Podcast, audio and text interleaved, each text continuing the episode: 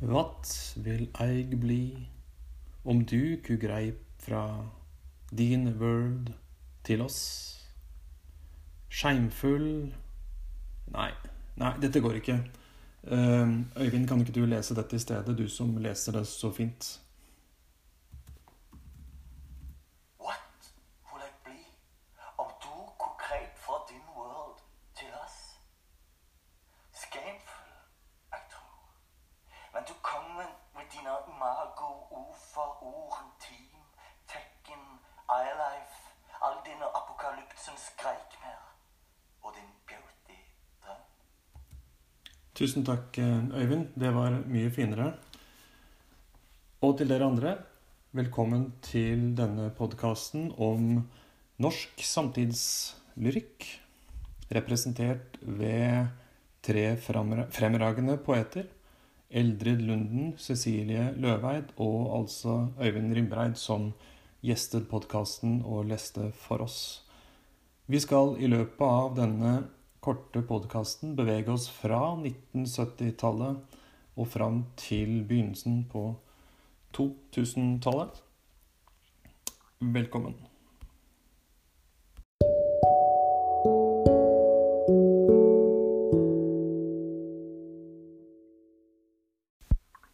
Vi eh, vender altså tilbake til Øyvind Rimbreid senere i denne podkasten.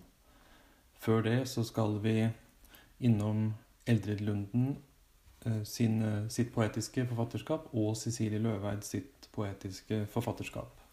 Men aller først, dere, la oss se kort på hva som kjennetegner de periodene som vi eh, beveger oss inn på. Det vil si norsk litteraturhistorie og lyrikkhistorie mer bestemt på 1970-tallet. Eh, da er eh, det representert ved Eldrid Lunden og for så vidt også Cecilie Løveid.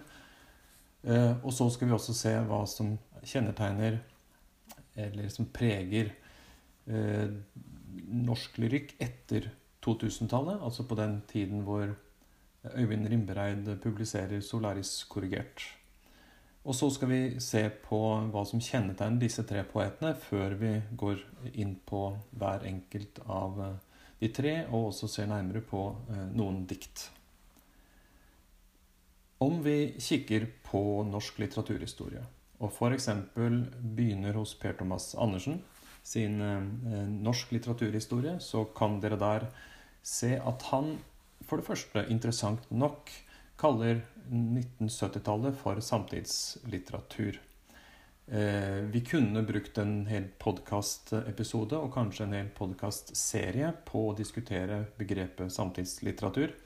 Det er ikke et entydig eh, begrep, verken i litteraturhistoriske verk eller i, eh, i læreplaner.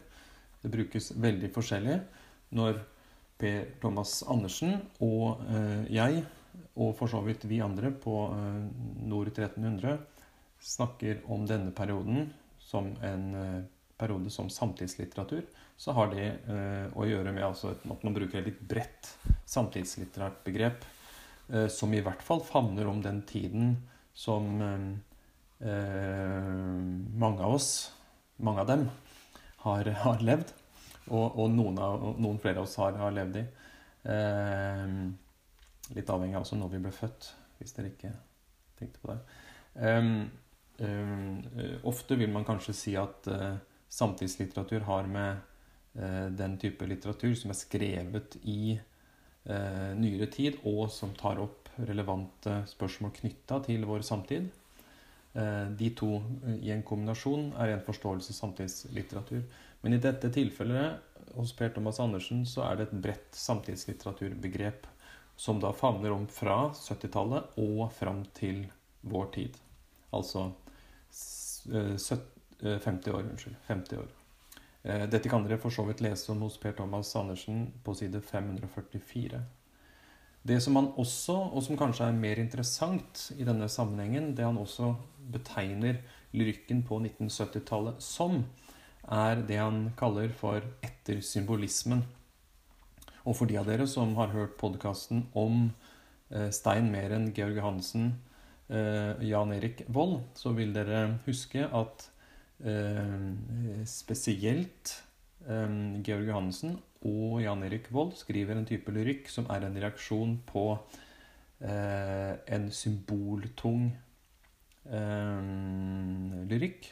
En lyrikk som eh, ikke er uten symbolikk, men som reagerer på en en, et poetisk språk som er eh, så dominert av symbolisme at, at, hverdagen på et vis forsvinner, eller det konkrete forsvinner. Um, hvis vi går til et annet norsk eh, litteraturhistorisk verk, f.eks. Willy Dahl, som skrev sitt verk i, i, i, om norsk litteratur i eh, 1989, så, um, så, skriver han at 1970-tallet er preget av en um, at både det internasjonale og det lokale konfronteres. Altså man problematiserer disse to størrelsene og bruker disse to til å supplere hverandre. Altså ikke som motsetninger, men snarere som utfyllende eh, størrelser i litteraturen. Og så er det en annen ting som Dahl, eh, Willy Dahl påpeker, som er eh, veldig interessant, også om vi tar en kikk på den aller nyeste lyrikken, nemlig en oppblomstring av bruks lyrikk. Um, det, vil, det, vil, si lyrikk som ikke bare er uh, leilighetsdiktning skrevet til bestemte uh, anledninger, men også som er tenkt brukt i bestemte anledninger, altså som har en helt tydelig bruksfunksjon. Det mest åpenbare eksempelet i dag, for å gå litt utenfor pensum, måtte jo være nettopp lyrikk som skrives i koronatider, og som på, mange måter handler om koronatid altså Det blir også en form for eh, brukslyrikk. Hos eh, Willy Dahl så kunne dere ha lest, eh, hvis dere hadde, hadde kikket i boka hans, at han også bruker betegnelsen trivial lyrikk som er synonymt med brukslyrikk. Og da på et vis eh, for å peke på at dette er lyrikk som ofte kan bli sett litt ned på, eller undervurdert, eller som står litt i motsetning til det man i anførselstegn kunne kalle eh, høylyrikk. da. Altså den egentlige lyrikken, eller kunstlyrikken, opp mot en trivial, trivial lyrikk. Um, det er nok en motsetning som ikke er spesielt gangbar i dag. Det her har, har man for lengst um, lyrikken selv, og for så vidt også uh, teori, uh, dekonstruert en sånn motsetning. Eh, når han likevel, eller ikke likevel, unnskyld, når Willy Dahl snakker om brukslyrikk, eller skriver om brukslyrikk og triviallyrikk på, på 1970-tallet, så er det fordi dette er lyrikk som er preget av et hverdagsspråk. Eh, eh, som man også for så vidt finner hos eh, Jan Erik Vold, uten at Willy Dahl noen gang ville kalle Jan Erik Vold sin lyrikk for eh, triviallyrikk eller brukslyrikk. Men hverdagsspråket kommer inn i lyrikken på 70-tallet, og en annen ting som kommer inn på 1970-tallet, og som dere husker fra eh, podkasten om uh, Jan Erik Vold og Georg Jansen. Altså man går fra en slags hard politisk lyrikk i første del av 1970-tallet til uh, en Ifølge Dahl i hvert fall en lovprising av nærhet og varme. Representert ved f.eks. Stein Meren. Helt riktig. Så det er 1970-tallet. Også fordi vi altså i denne, denne podkasten skal eh, være så eh, modige at vi hopper fra Eldrelunden via Cecilie Løveid til eh, Rimreid, så må vi hoppe, hoppe over eh, 1980- og 1990-tallet. Det ville ta litt for lang tid å gå innom eh, de to tiårene også. Men eh, både Cecilie Løveid og Øyvind Rimbreid kan være representanter for norsk litteraturhistorie. Eh, fordi de publiserer, eh, og i stor grad eh, debuterer på mange vis som lyrikere på 2000-tallet. Eldre Lunden skriver også lyrikk på 2000-tallet, men har altså sin debut mye tidligere. Hva er det som kjennetegner lyrikken på 2000-tallet? Jo, igjen, la oss gå til Per Thomas Andersen, som skriver at vi på 2000-tallet får poesi i flere sjangre. Altså det, betyr altså at eh, poesien ekspanderer i både form og tematikk og i, eh, i uttrykksmåter. Og da gjerne ved å, å mm, forholde seg til eller skrive inn ulike sjangrer. Tematisk så finner vi en oppblomstring av politikk på ny. En politikk og en orientering mot samfunnsutfordringer. Det kan være flyktningkrise, som hos Inger Elisabeth Hansen eller Hanne Bramnes. Eller det kan være hos danske poeter som Henrik Nordbrandt eller Ursula Andkjær Olsen eller Peter Clemet Wottmann. Eh, det kan være klimakrise, som vi finner hos Kristin Berge, som igjen finner hos Inger Elisabeth Hansen og Hanne Bramnes, som vi finner hos Forfatternes klimaaksjon, og som selvfølgelig vi kan lese ut av Øyvind Rimbereids eh, Solaris korrigert. Så det er altså en orientering mot en politisk lyrikk, men da en politisk lyrikk som er likevel ganske annerledes enn det, den, den type politisk diktning man fant på 70-tallet. Det var tematikken, eller kall det innholdet. Hvis vi ser på, eh, på hva slags form lyrikken på 2000-tallet tar, så kan vi henge oss på Per Thomas Andersens karakteristikk av poesi i flere sjangre, og se hvordan vi altså får et formmessig mangfold. Det betyr at den tradisjonelle lyrikkformen den finnes fortsatt, samtidig som vi har eh, nyere eh, eh, eller nyskapende, formmessig nyskapende poesi som utfordrer eh, den lyriske sjangeren eller lyriske sjangrer, eh, som ikke nødvendigvis ser ut som eh, tradisjonell lyrikk, eller høres ut som tradisjonell lyrikk, men som likevel kan kalles for lyrikk eller poesi. Det er også et kjennetegn på 2000-tallet at det der man jo tradisjonelt har hatt en veldig klar, et klart skille mellom hva lyrikk er, der lyrikk er diktarten, som det heter hos, hos, Aristoteles, sammen med epikk og dramatikk, så er poesi, som tradisjonelt er forstått som eh, en, en språklig kvalitet, som finnes i alle diktarter og sjangrer, essay, sakprosa-sjangrer, i romaner, selvfølgelig. Tenk bare på Kjartan Fløgstad sine romaner. Hvor poetiske er ikke de? Um, så den, den, tradisjonelle forståelsen av forhold, forholdet mellom lyrikk og poesi, den går litt i oppløsning. Og mer og mer så synes det som at lyrikk og poesi er to begreper som brukes synonymt. Når det er tilfellet, så er det ikke bare fordi det er lyrikkforskere eller anmeldere som er eh, slepphendt med, med, språket. Det har nok også å gjøre med at vi eh, har en eh, ekspanderende eh, formessighet i samtidslyrikken som gjør at at noen ganger det kan være utfordrende å gjenkjenne det lyriske, eller å kalle noe for lyrikk. Altså, derfor går man også over til å snakke om poesi.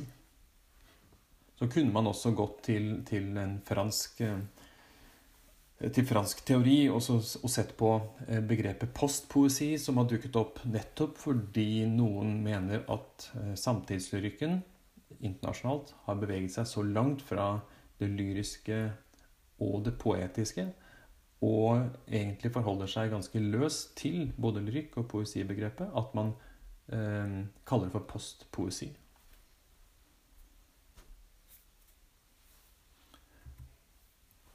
Okay. Til slutt i denne første delen, før vi går over på de tre eh, forfatterskapene. Hva kjennetegner disse tre? Altså, hva kjennetegner Eldre Lunden, Cecilie Løveid, Øyvind Rimbereid, som gjør at vi kan forsvare at vi har dem i én podkast, at vi behandler dem under ett, selv om det altså er um, 30 år mellom Eldre Lunden sitt, eh, sin debut som poet og Øyvind Rimbereids debut som poet. Jeg vektlegger som poet. Og Det kommer jeg tilbake til etterpå, men det har jo selvfølgelig å gjøre med at Øyvind Rimbereid eh, har skrevet romaner og noveller før han fant ut, eh, og takk og lov for at han fant ut det, at han skulle bli lyriker. Hva kjennetegner disse?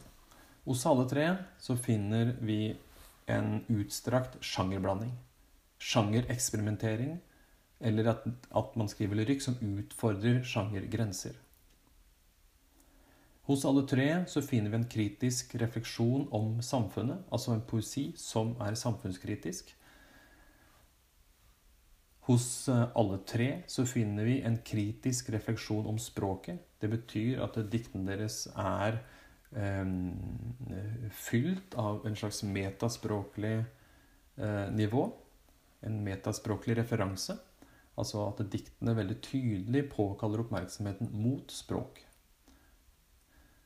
Hos eh, alle tre så finner vi en refleksjon om hva lyrikk og hva diktning er. I diktningen altså så er diktene metapoetisk, eksplisitt eller implisitt. Hos i hvert fall to av disse eh, finner vi en eh, ganske eh, klar bruk av humor. Kanskje særlig hos Løveid og Rimbreid. Eh, og hos eh, to av disse, særlig Lunden og Rimbreid, så finner vi bruken av langdikt. Altså dikt som er strekt ut narrativt, eller for den saks skyld romlig.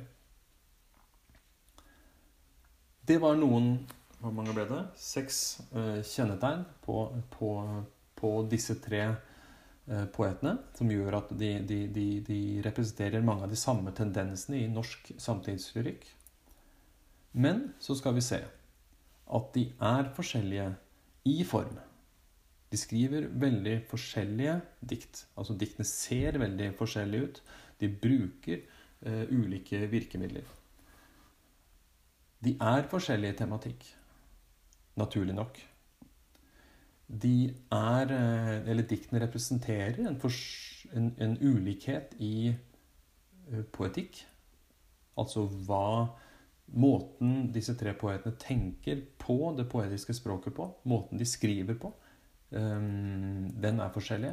Og det, det, gjør seg også gjeldende i en forskjellighet i temperament. Og det temperamentet vil dere merke hvis dere hører Eldre Lunden, Cecilie Løveid, eller da min, vår venn, unnskyld, Øyvind Rimbreid, som nå akkurat leste for dere. Når dere hører dem lese, så er det Eh, stilen, den personlige stemmen eller temperamentet som gjør dem veldig forskjellige. Og hvis dere ikke er så heldige som det jeg er, som sitter med Øyvind Rimbreid ved min side, som kan lese, så kan dere bare lese diktene sjøl høyt. Og da vil dere merke at det er eh, en forskjellighet i da, temperament eller stil, eller hva vi eh, ønsker å, å, å kalle det. I, eh, det var eh, det som kunne være episode to, kanskje, av denne podkasten. Som jeg håper eh, ga et raskt og effektivt innblikk i to perioder i den norske lyrikkhistorien. 70-tallet og 2000-tallet. Og kanskje også som ga noen forbindelseslinjer mellom disse tre poetene. Da eh, ses vi, høres vi i hvert fall. Vi ses nok ikke, men vi høres om litt. Til neste eh, episode om Eldred Lunden.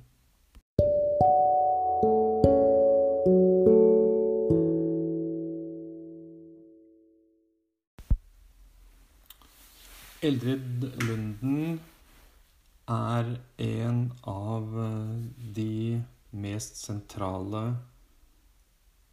poetene som vi har hatt fra 70-tallet. Eh, og hun har skrevet en av de mest betydningsfulle diktsamlingene som har kommet ut i nyere tid i Norge. Og det er eh, Mammy Blue, som kom ut i 1977. Jeg kommer straks tilbake til hvorfor jeg, jeg, bruker så store ord som å si at dette er en av de aller viktigste utgivelsene. Um, jeg skal ikke si så mye om Eldre Lunden og hvor mye hun har publisert. Det kan dere finne ut på um, forlagets um, nettsider. Uh, der kan dere også lese om uh, Eldre Lunden, at hun er født i 1940 og den type ting. Og hvis jeg har telt riktig, så har hun gitt ut elleve diktbøker fra eh, debuten f.eks. 'Juli', som kom i 1968, og fram til eh, diktsamlingen som kom i 2018, og som heter, heter 'Det er berre eit spørsmål om tid'. Kalenderdikt 2014 til 2018. Um, og Mammy Blue, som er den, dikt, eh, den, den diktboka hvor eh, det utdraget som dere har på pensum, er hentet fra, den kom altså i 1977. Um, og da husker dere også antagelig fra en tidligere podkast at Eldre Lunden uh, var sentral i profilgjengen. Uh, um, uh, og at 1968-debuten, f.eks. 'Juli', er en diktbok som i, i, form og særlig språk passer godt inn i den poetikken som hun og profilistene Eller profil, unnskyld. Profillistene um, um, Profilgenerasjonen, unnskyld. Um, utviklet, eller var talsmenn og talskvinner for. De tre første diktsamlingene til Lunden, og inkludert Mammy Blue, altså det vil si f.eks. Juli, det vil si innerringa. det betyr hard, eller det vil si hard, mjuk og Mammy Blue. Um, kan knyttes til en bestemt tematikk i hennes forfatterskap. Nemlig en tematikk som handler om kvinneidentitet og om det å finne en stemme, både som poet og som kvinne. Det som kjennetegner disse, er at Lunden utvikler sin egen poetikk. Dere vil se at diktene er eh, korte. De er konsentrerte og ordnet sekvensielt. Det betyr at diktene henger sammen innenfor en, eh, en ramme. Og om det enkelte diktet kan synes knapt og kanskje til og med gåtefullt, litt vanskelig å lese og finne en bestemt betydning, får det, dette korte enkeltdiktet mer betydning i lys av de andre diktene. Derav det sekvensielle, og kanskje til og med innimellom det narrative. Vi ser også i eh, diktningen hennes en fin bruk av retoriske virkemidler som versedeling og tegnsetting, som gjør meningen flertydig. Bildebruken er mer metonymisk enn metaforisk. Det vil si at den består av ord som angir hva skal si, utklipp av ting. F.eks. kåpe, som dere gjenkjenner fra diktet, som viser til kvinnen som har en kåpe på seg, og som ikke betyr noe annet. Eller noe som ligner, altså som en metafor altså som ikke betyr noe annet, altså som det en metafor ville gjort, eller noe, som ligner, som en simile. Det er en metonymi. Den første avdelingen i uh, Mammy Blue er antagelig den sekvensen i hele forfatterskapet som er blitt mest gjenkjent og gjengitt i læreverk og lærebøker eller lesebøker. Og Lunden har selv valgt ut og kommentert disse diktene til antologier. Eh, diktene i, i, denne boka, Memmy Blue, har et kvinnelig subjekt som dere allerede har møtt. Hun heter Anna eller Anna, som eh, eh, er tydelig forankra i natur, kropp, sanser og persepsjoner. De eh, diktene, de korte diktene gir korte glimt eller scener fra forskjellige situasjoner, og de gjør kvinnen mer eller mindre synlig, mer eller mindre språklig artikulert. Av og til så eksisterer hun, altså Anna eller Anna, bare flyktig som sansning og bitvis språklig representasjon, som ei kåpe, eller som en bevegelse, eller som tegn. Noen dikt presenterer henne også som lett og lys, som om hun er klar til å fly av gårde som en fugl, mens andre dikt holder igjen, og fuglen er blitt tung.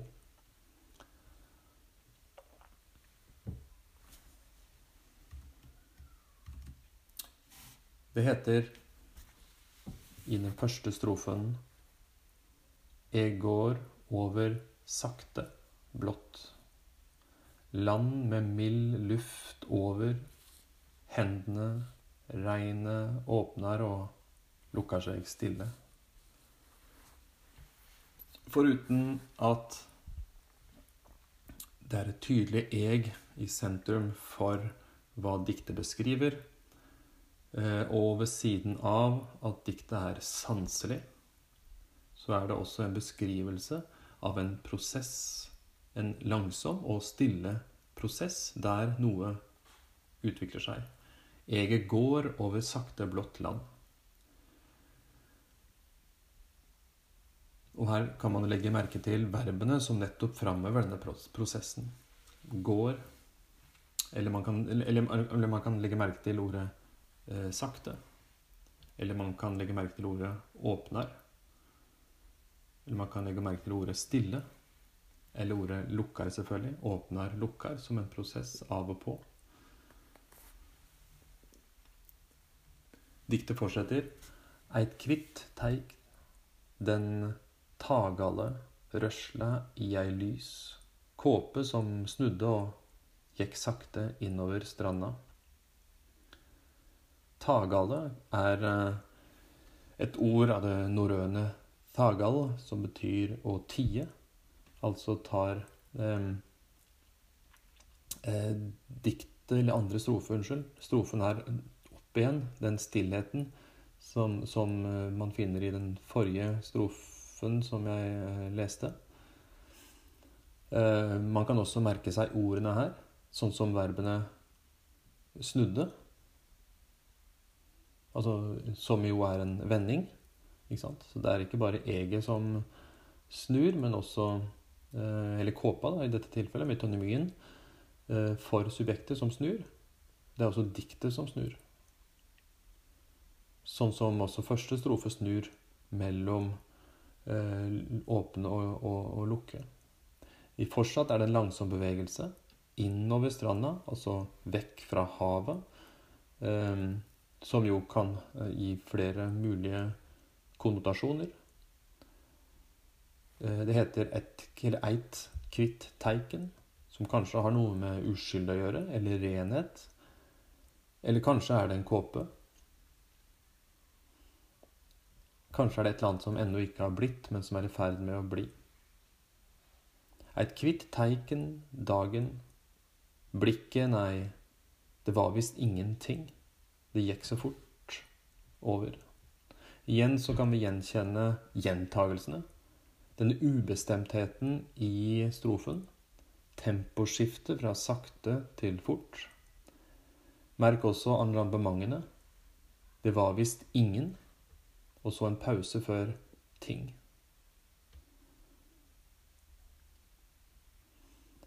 Ditto uh, gikk så fort før over.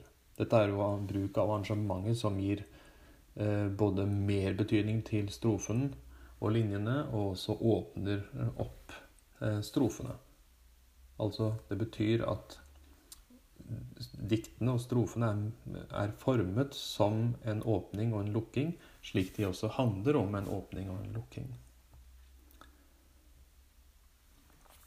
Og Så får vi en vending idet man får dette egennavnet inn. Jeg er Anna. Jeg er 28. År jeg er synlig. Mot entrédøra hver morgen. Ei åpen rørsle i lufta.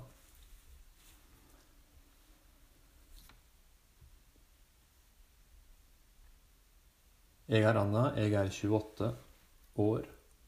Jeg tenker oftere og oftere på at jeg er synlig mot entrédøra. Hver morgen så sitter jeg i bilen.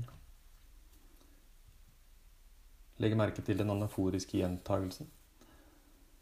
Legg også merke til oftere og oftere, dvs. Si fortsatt denne prosessen, denne utviklingen, mot hva da? Jo, kanskje mot å bli synlig jeg er synlig. Jeg tenker oftere og oftere på at jeg er synlig. Og altså da en synlig mot å bli kanskje en annen.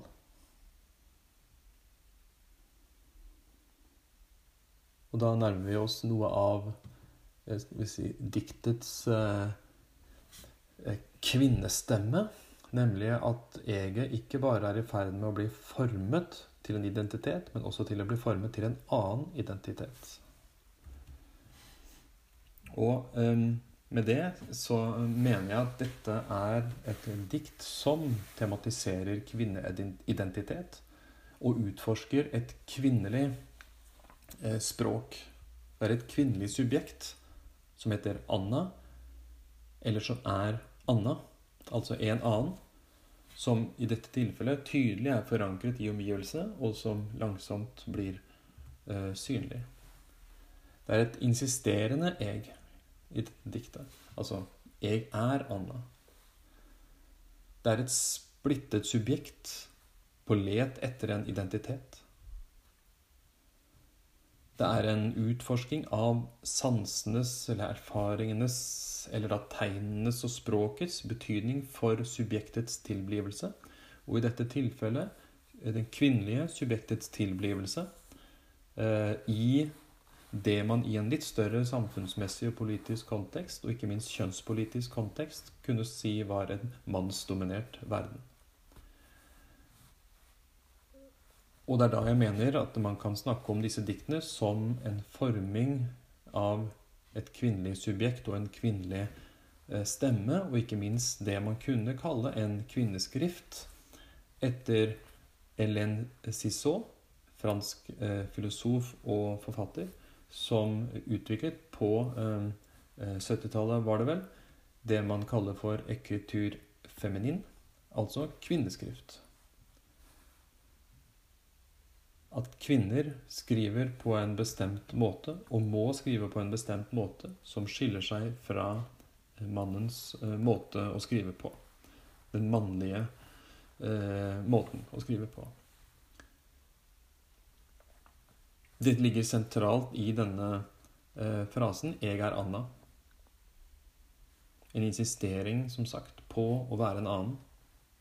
Kanskje til og med da på å være en kvinneskrift og at Anna skriver kvinneskrift. Eller at Ege skriver annerledes, altså skriver annerledes enn menn, altså kvinneskrift. Det handler altså om å være den andre, som interessant nok kan gi assosiasjoner til en annen fransk eh, poet, og da en mannlig poet fra 1800-tallet som het Arthur Rimbaud, og som i en bok som heter La lettre de Voyant, skriver et, eh, en tekst som heter Car je est un autre. Eh, det var i 1871. Eller man kan få med Egar Anna og det å være en annen, og dette skrive med å skrive, kvinne, skrive som en kvinne, ekretyr feminin, så kan man også få assosiasjoner til Simone de Beauvoir, som jo i sine filosofiske bøker, bl.a. Det annet kjønn, skriver at man fødes ikke som kvinne, man blir det. Kanskje er det det Eldrid Lunden forsøker på når hun skriver fram dette subjektet som begynner å tale, og da å kalle seg 'Jeg er Anna'. Altså man skriver fram en kvinne som ikke lenger er et objekt, men som blir et subjekt, et handlende eh, subjekt.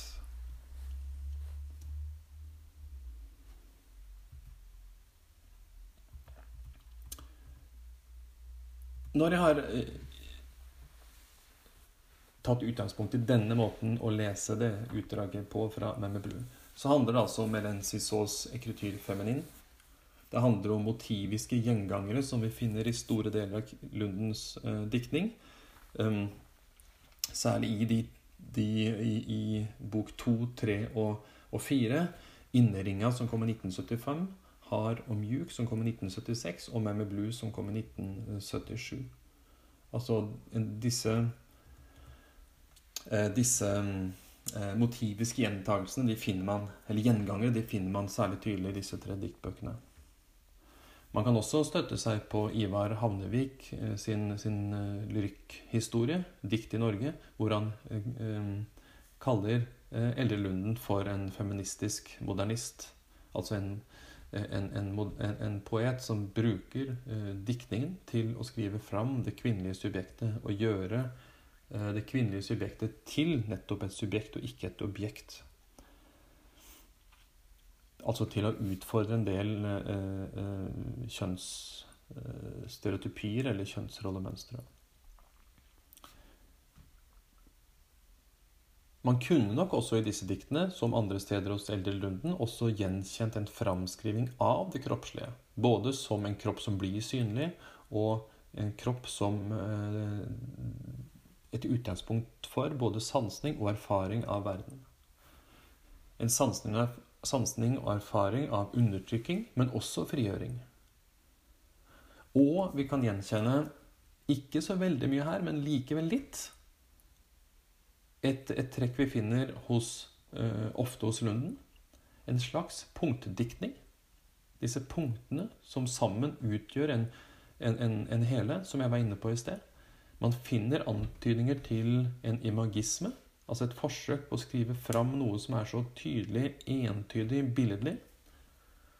Man finner eh, eksempler på en syklus, og man finner eksempler på fortellende og esaistisk eh, lyrikk. Som handler om kvinneidentitet, om å finne en stemme. Som handler om språk, makt og kjønn. Og der diktene settes i samtale med andre tekster og historiske personer, og i så måte også kan kalles dialogiske. Altså de er politiske, de er kvinnepilot... Eh, eh, Eh, kvinnepolitiske eller feministiske, og de er dialogiske.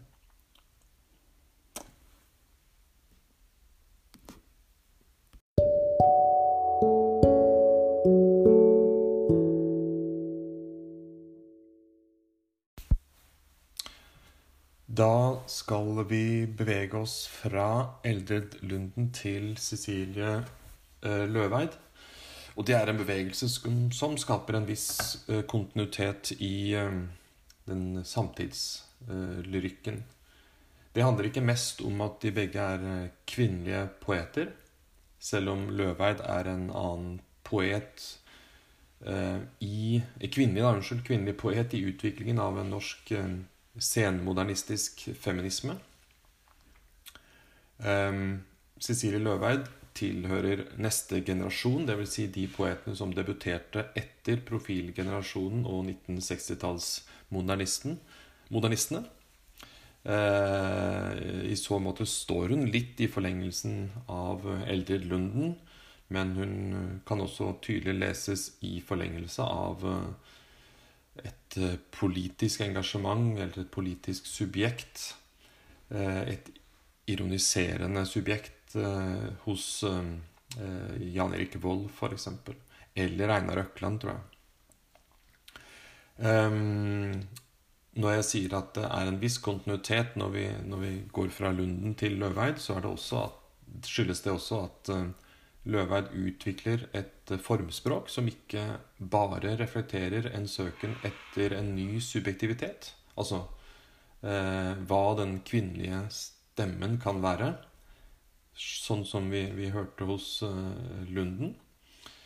Det er også en uh, tydelig eh, sjangereksperimentering hos Løveid.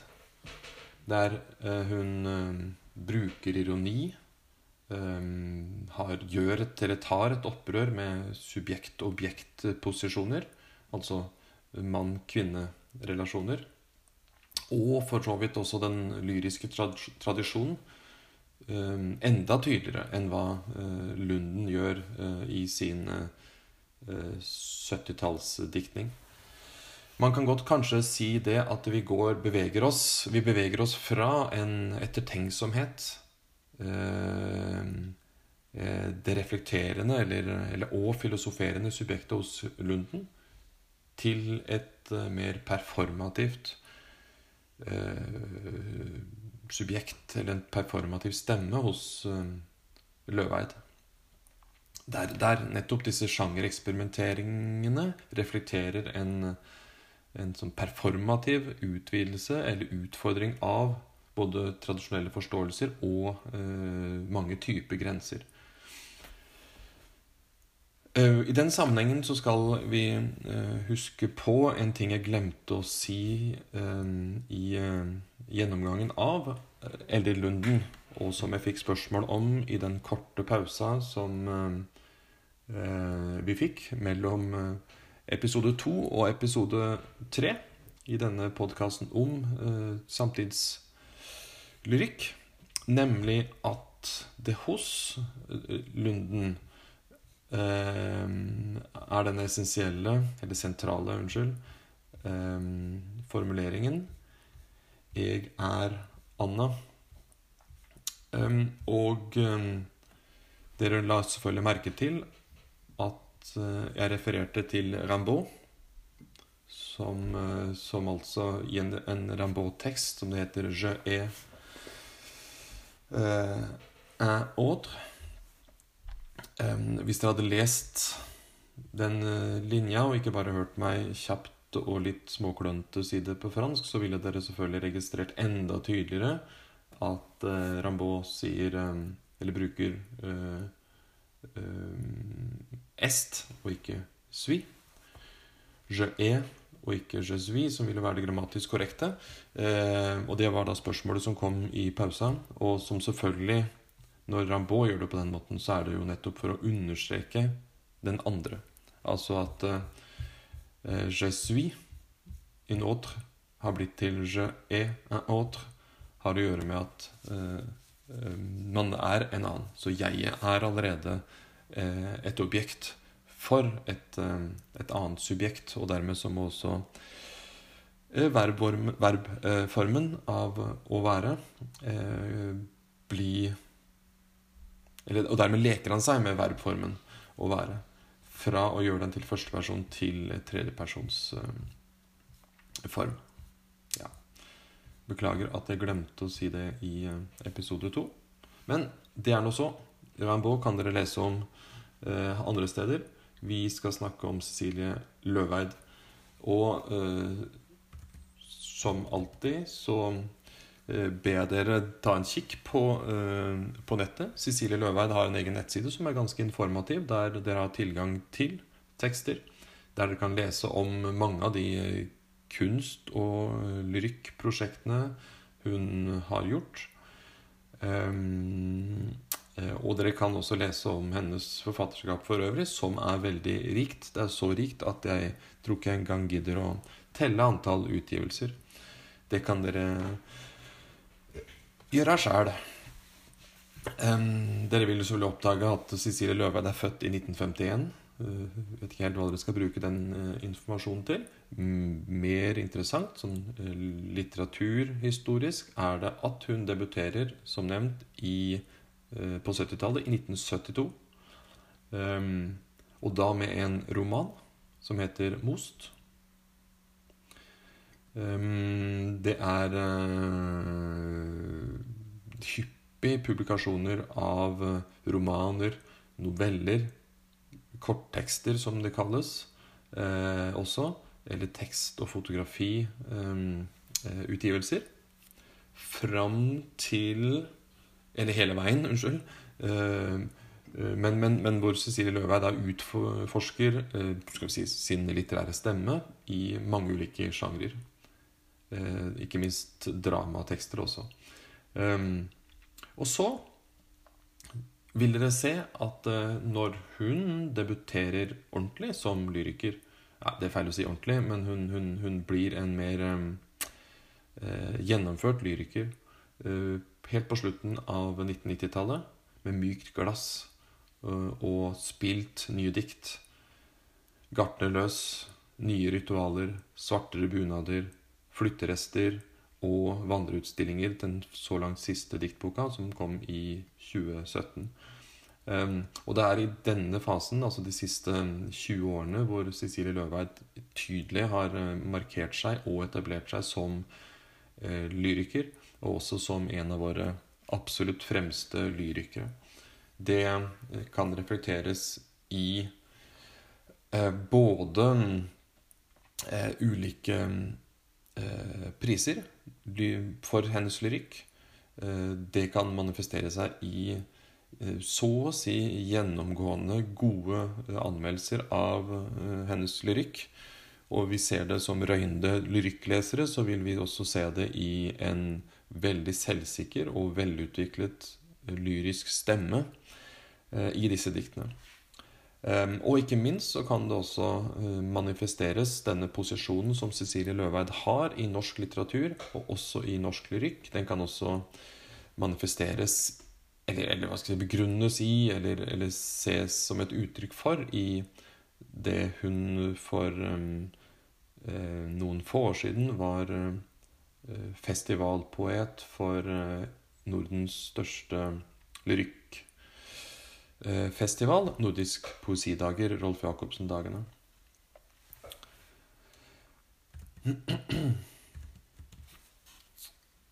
Sånn at det vi eh, kan se hos Eldrid Lunden Unnskyld, unnskyld, hos Cecilie Løveid, er en, eh, en eh, forfatter som vandrer mellom en rekke eh, sjangrer og diktarter. Um, det kan også gjelde for uh, ikke bare mellom litterære sjangrer og diktarter, men også mellom da um, f.eks. fotografi og lyrikk, eller malerier og lyrikk. Det vil si at hun skriver det som dere kjenner til som ekfraser ganske, Og i, i, i, den senere diktningen hennes også er det ekfraser et gjennomgående, en gjennomgående modi eller en gjennomgående form. Dukker veldig ofte opp.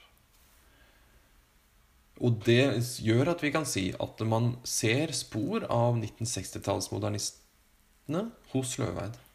Både denne friheten til å ikke være låst til Eller friheten til å vandre mellom mellom ulike litterære former og ikke være låst til én form. Eh, og den sjangereksperimenterende holdningen hos Løveid.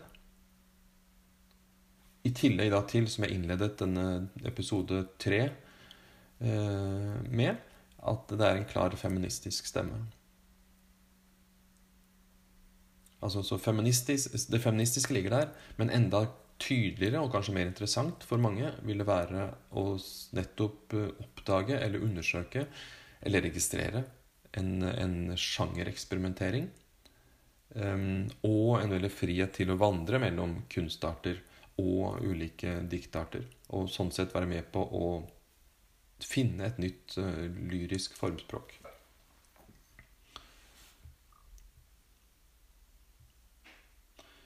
Um,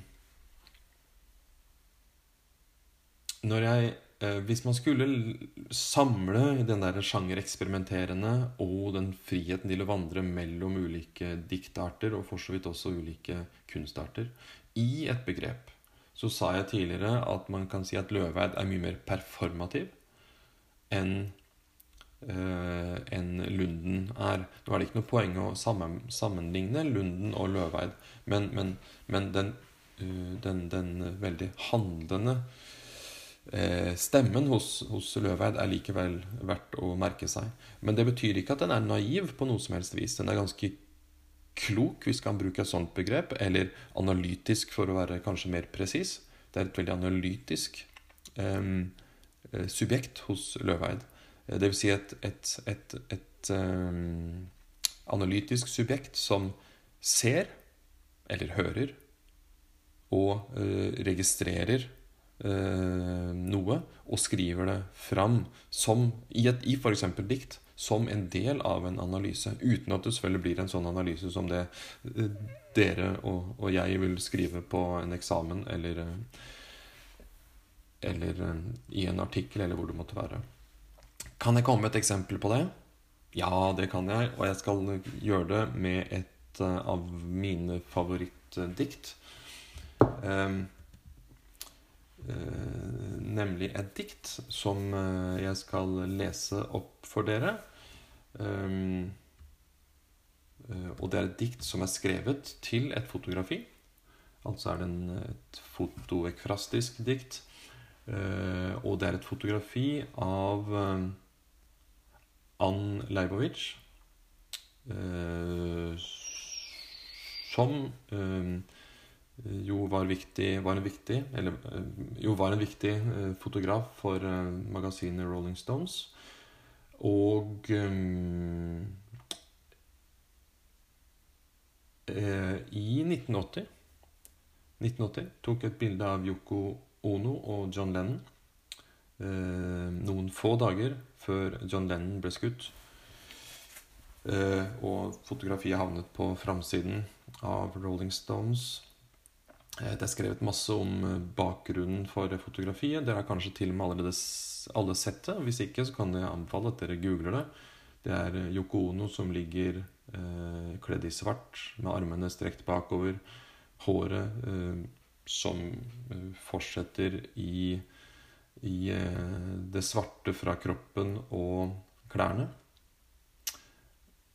Og omfavnet er hun av John Lennon, som ligger naken og holder omkring hennes hode og har beina rundt henne som om han tviholder fast i Yoko Ono, eller i kjærligheten, eller i livet. Det var da min beskrivende uh, kvasitolkning. Men uh, la oss høre hva uh, Cecilie Løveid uh, får ut av dette fotografiet i et dikt på to strofer. Vi som er snegler og edderkopper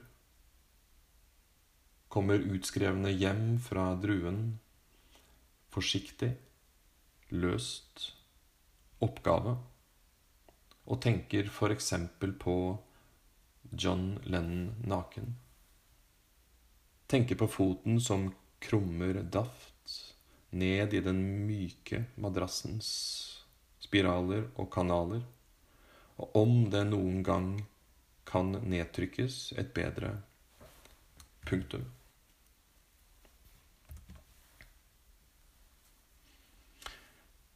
Diktet er um, en for så vidt tilsynelatende tilfeldig bevegelse fra et vi som vandrer egentlig ganske hverdagslig, kanskje, eller en lørdagskveld, hjem eh, fra det som kan være et utested. Det heter bare 'Fra druen', så det er bare å, å tolke i vei. Og det heter eh, 'tenker f.eks. på'. Så det er helt tilfeldig. Eller det kan være mange, mange forskjellige ting vi kan tenke på.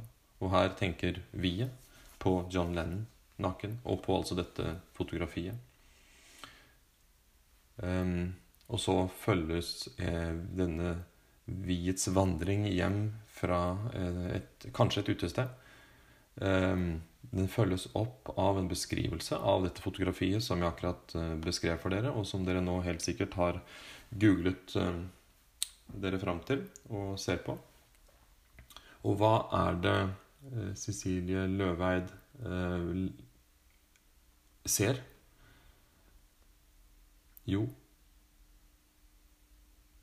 hun ser en madrass som er myk, og hun ser en fot, en tå, som i nedre venstre hjørne på fotografiet trykker ned i madrassen.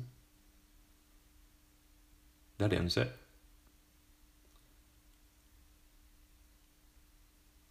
Og som hun tolker som et punktum.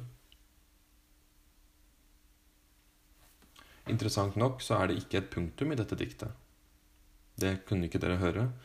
Og jeg kunne ikke klare å uh, la dere høre det. Men det ville dere oppdaget hvis dere hadde lest diktet. Det er ikke et punktum, dette diktet. Men ordet punktum dukker opp. Hva betyr det? Jo, kanskje betyr det at diktet ikke har et punktum, altså ikke stopper opp. Det stanser her selvfølgelig fordi det er ikke flere ord. Men kanskje er det likevel ikke en eh, slutt på diktet, et absolutt slutt på diktet. Kanskje fordi det har noe tilfeldig over seg, noe hverdagslig. Viet som er utskrevet hjem fra eh, druen. Eh, og det eh, skjer jo gjerne igjen og igjen. Eh, og kanskje er det diktets svar på fotografiet som har noe endelig over seg. Fordi idet Ann Leibovic trykket på utløserknappen, så ble fotografiet tatt. Tiden stanset. Og det som ble igjen av dette øyeblikket, antagelig et vakkert øyeblikk, var og kanskje litt sært også, men det, kan, det får være opp, være opp, til hver enkelt å, å, vurdere. Men det som ble igjen av dette øyeblikket, det vakre øyeblikket, det er jo dette fotografiet. Altså et punktum.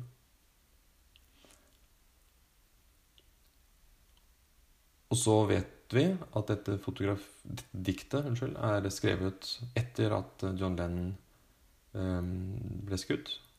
Fotografiet ble også trykket i Rolling Stones etter at John Lennon var skutt. Så vi kjenner historien. Men det kjenner jo ikke, det vet jo ikke Yoko Ono der hun ligger med lukka øyne. Og det vet jo ikke John Lennon der han ligger og, og ja, klamrer seg til henne.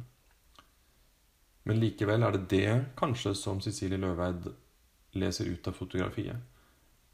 At vi vet at John Lennon skal dø. Det vet egentlig ikke han, men likevel så kan vi, ut av dette diktet og ut av fotografiet, lese en eller annen form for død. Eller et punktum. Ja, det var en lesning av, av um, det diktet som for så vidt uh, illustrerer to ting. Det illustrerer noe analytisk ved Løveids måte å dikte på. Altså måten hun forholder seg til um, andre diktarter i dette tilfellet, og det er det mange av i hennes diktning. Um, og så illustrerer det denne løveidske stemmen, som gjerne er litt uh, uh, tilfeldig, slentrende, skal vi si det, da, og likevel ekstremt presis.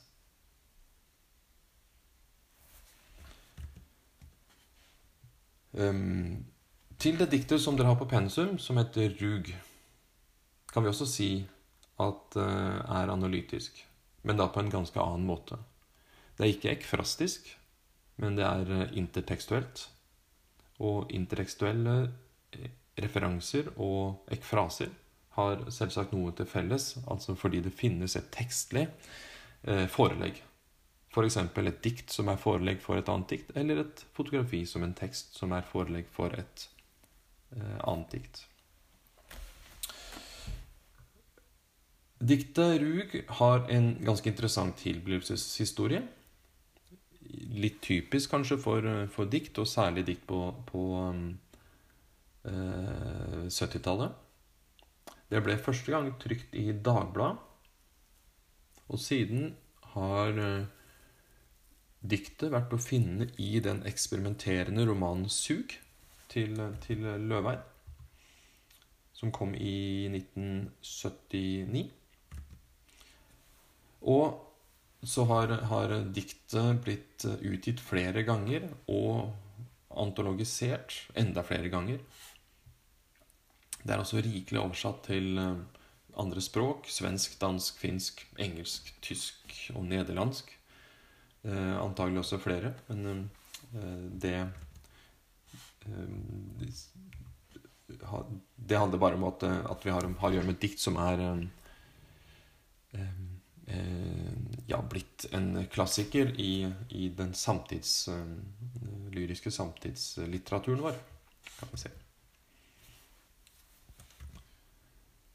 Um, og så er det jo selvfølgelig, når jeg sier at det er intertekstuelt, og det har dere allerede lest fordi Sejersted og Vassenden skriver om dette diktet i uh, sin bok, Den oransje boka, og da har dere også oppdaget at uh, det er et intertekstuelt forhold mellom Rug og Rugen skjelver. Altså Cecilie Løveids Rug og Sigbjørn Oppsvelders um, Rugen skjelver.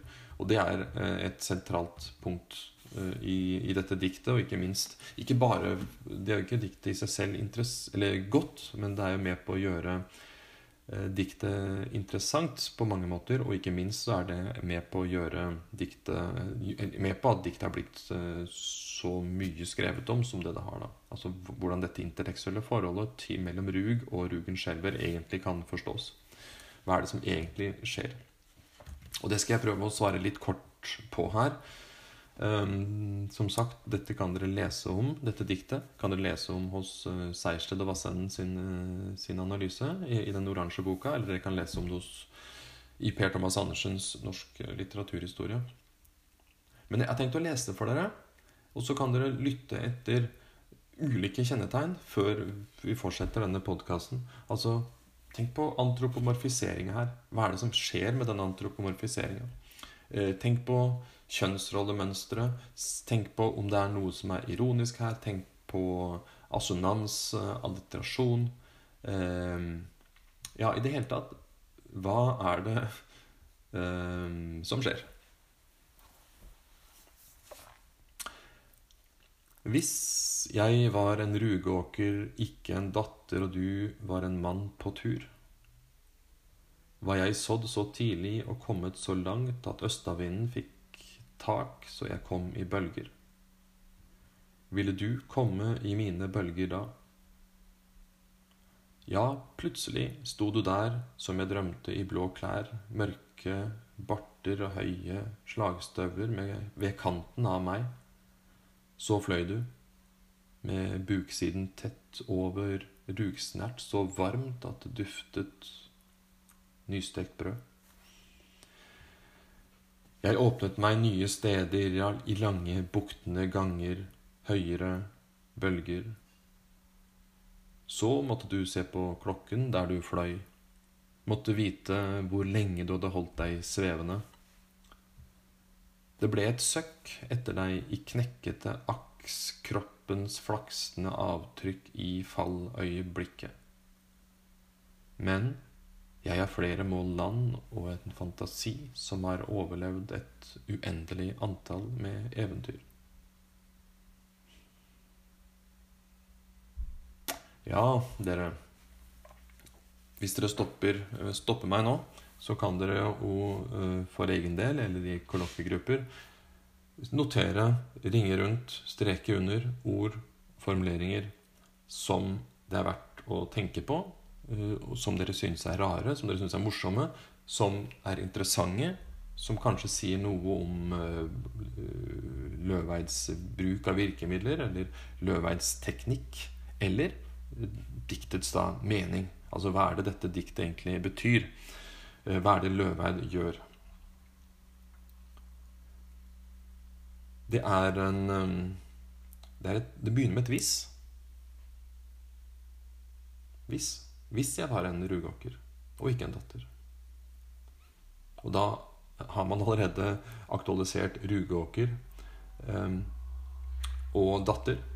Og så vet dere kanskje at Oppsvellers dikt 'Rugen skjelver' jo handler om en datter i en rugåker. Um, så allerede i den første halve linja så, så aktualiseres et intertekstuelt forhold men da et tenkt alternativ, ikke sant? for det heter 'hvis'. Jeg altså var en rugåker ikke en datter. Og det betyr at jeg er en rugåker Nei, er, unnskyld, er er en datter. Men hva hvis hun var rugåkeren i stedet?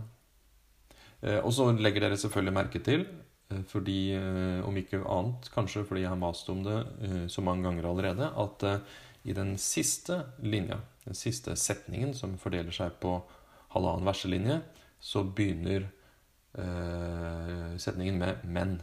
Og er det et 'men' i, um, i et dikt, så, så, er det verdt å tenke over hvorfor. For her inntreffer jo en vending helt på slutten der. Det er flere vendinger for så vidt i dette diktet. Jeg tror det er verdt å uh, tenke eller legge merke til antropomorfisering her. Ehm, det er eh, Jeg er en datter. Ikke en rugåker. Ehm, så den er jo ikke gjennomført. Denne rugåkeren som etter hvert blir beskrevet som ehm, en som kommer i bølger. Um, og duet blir, er, er jo for så vidt en mann, men, men innenfor denne hvis-ramma så er det hvis han var en mann på tur. Um, så legger dere også kanskje merke til østavinden.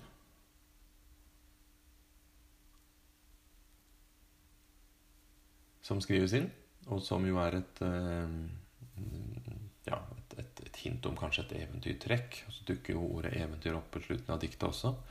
I så måte blir dette både et, en, en, en, et ord som, som, danner en slags relasjon til en tradisjon, eventyrtradisjonen, og i dette tilfellet så betyr jo også eventyr andre ting. Det er en lek med kjønnsrollemønstrene i dette diktet, og en ironisering over modernismens og Obsfelders eh, objektivisering av kvinnen. Altså både moralismen hos Obsfelder og da måten som datteren hos Obsfelder blir et objekt. Og jeg skal gi dere et eksempel på det hvert øyeblikk. Um, rett nok handler det uh, Rett nok så er, er uh, datteren hos Obsfelder, som dere vil høre, en, en handlende eh, part. Men oppmerksomheten hos, uh, i Oppsellers dikta det er jo ikke hva datteren føler eller vil, men hvordan hennes handlinger oppfattes hos uh, foreldrene i det som i diktet heter 'Vår datter'. Diktet som dere har hørt før, men jeg leser det for dere likevel. Eh, fordi det jo er fredag. Det går sånn. Hva er det som rører seg borte i rugen? Rugen skjelver. Det er østenvinden som bølger i kornet. Rugen skjelver. Hva er det som bukter seg borte i ruget? Rugen skjelver. Det er natten som kommer med buktende skygger. Rugen skjelver. Det er natten som kommer med buktende skygger. Rugen skjelver. Hva er det som reiser seg borte i rugen? Rugen skjelver. Det er datteren vår som skjemmed seg i rugen. Rugen skjelver. Så her får man jo det samme bildet som hos eh, som natur, naturmotivet som hos, som hos eh, Løveid, men da eh, med et annet perspektiv. Her er det ikke jeget eller datteren som sitt perspektiv, men jo de som ser. Som ser at rugen skjelver, at rugen rister. Eh, og som er de som stiller spørsmål, og de som også eh, svarer. Det er datteren vår som skjemmer seg i rugen, og som altså sånn også dømmer og, og man dømmer ut ifra sine egne opplevelser. da. Ja, så, sånn at det, Når Løveid tar opp igjen dette motivet og forandrer ikke bare formspråket, men også perspektivet, så forsvinner selvfølgelig spørsmålene. Eller spørsmålene blir i hvert fall et annet. Her er det jeget, datteren, som jo stiller spørsmål til østavinden. Um, som altså um, kan være en mann på tur eller kunne vært en mann på tur, og stiller f.eks. eller det ene spørsmålet ville du kommet i mine bølger, da? Så opp, hele perspektivet, oppmerksomheten, er forandra fra eh, datterens nytelse. Eller over, forandret fra foreldrenes um, um, skam til datterens nytelse. Det gjør jo at Seierstedet og Vassenden i, i, den oransje boka skriver at diktet setter spørsmålstegn ved den tidlige modernistiske lyrikkens symbolteknikk. Um, F.eks. Denne, denne bruken av østavind, eller eh, perspektivene, eller eh, antropomorfiseringa, eller symbolikken da, i det hele tatt. Dette med at rugen skjelver. Hvorfor skulle Rugen skjelve? Rugen er jo neppe eh, redd. Den skulle jo heller være glad. Um,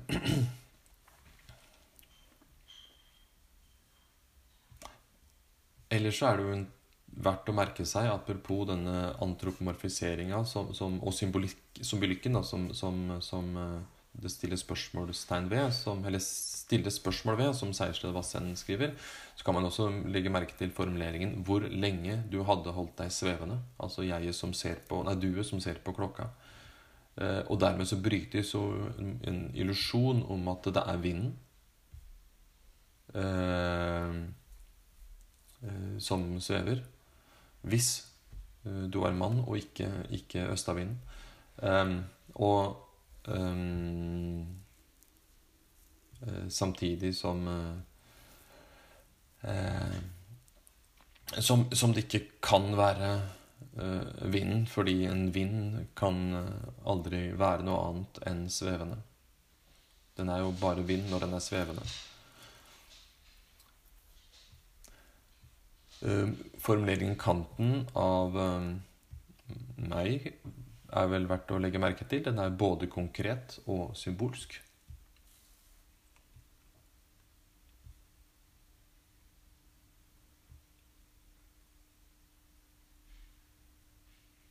Høye sagstøvler ved kanten av meg.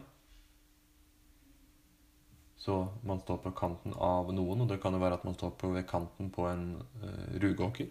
Og det kan jo være at man står ved kanten av et, uh, et annet uh, menneske, altså denne datteren.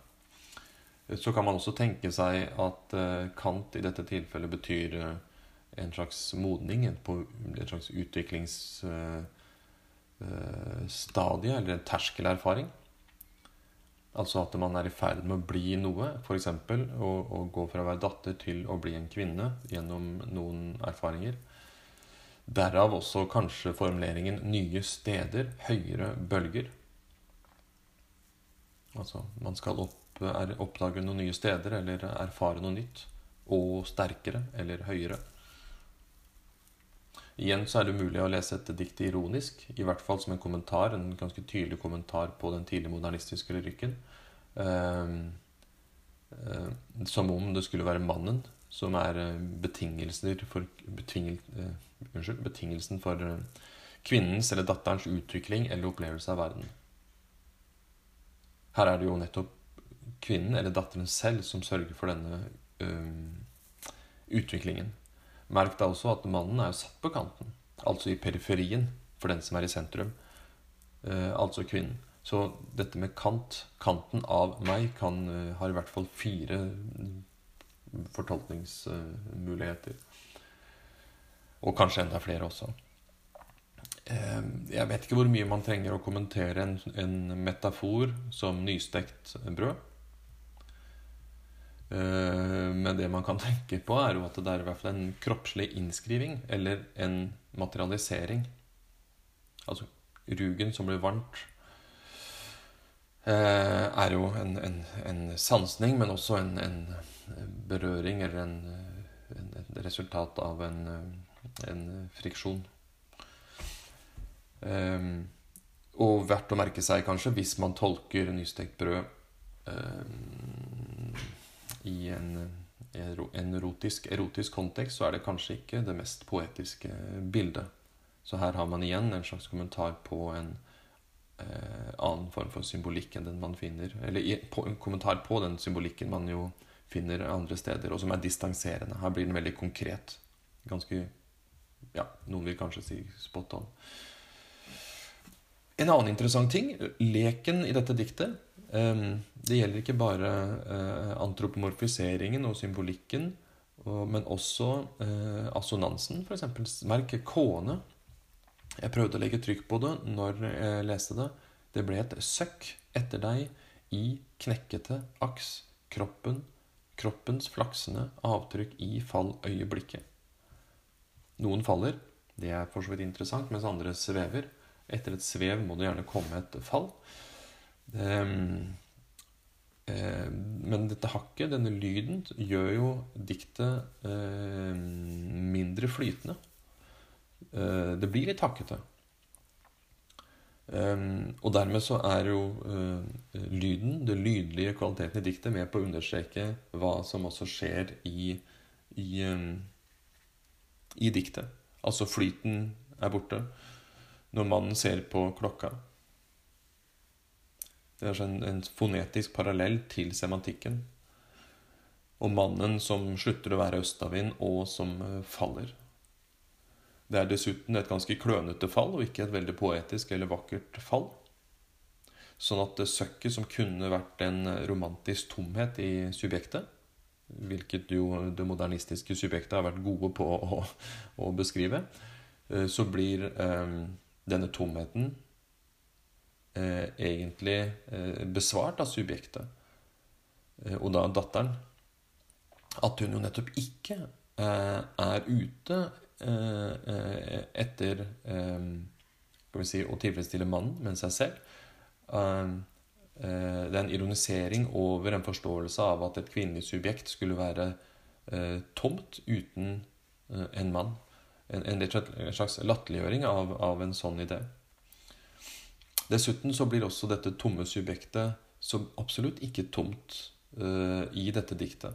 Hvis man f.eks. tenker seg denne siste linja, uh, så får man jo egentlig svaret på at det er noe helt annet som skjer enn at uh, subjektet skulle bli et lengtende subjekt, et savnende subjekt. Eh, for her er det jo snarere sånn at eh, denne erfaringen som hun gjør, det er ikke noe annet enn en one night stand, kanskje. Og det skal visst komme flere, fordi det heter Men jeg har flere mål land og en fantasi som har opplevd et uendelig antall med eventyr. Altså kroppen til denne datteren er så uendelig mye større, og fantasien hennes ditto, at eh, det, det, det er plass til mange menn, kan man tenke seg. Det Eller mange erfaringer, i hvert fall. Det betyr altså at skammen som oppselger skriver fram eh, Muligens er også oppselger ironisk. Det, det, det, er det i hvert fall de som hevder. Den er i Løveids dikt erstattet av en feiring eller frigjøring. Dette er kvinnens triumf. Eh, erobring av rolle og, og, egentlig makt i, i eh, et samfunn.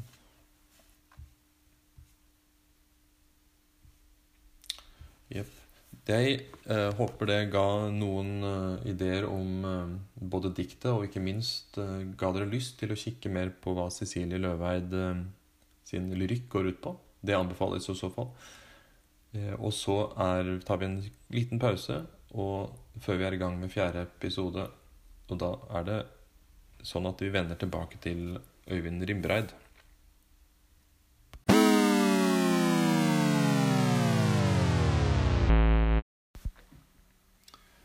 Og med den interluden til eh, fjerde episode om norsk eh, samtidslyrikk, så har vi også aktualisert et, eh, en slags avslutning. Fordi den visstnok, ifølge dette programmet jeg bruker, kalles game over. Det er ikke game over for oss, men i Solaris-korrigert, Øyvind Rimbreids langdikt Solaris-korrigert, så er det et slags game over for uh, mennesket. Uh, mer om det uh, om litt. Dette er, som dere da skjønner, den fjerde episoden som skal handle om Øyvind Rimbreid Solaris-korrigert. Vi vender tilbake til Solaris-korrigert, som vi jo innledet denne podkasten om. Um,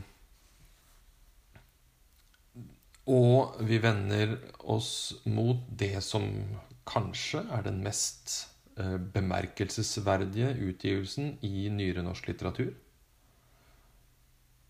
Eh, og det sier jeg fordi eh, dette er en utgivelse på, som på mange måter representerer noe nytt og annerledes.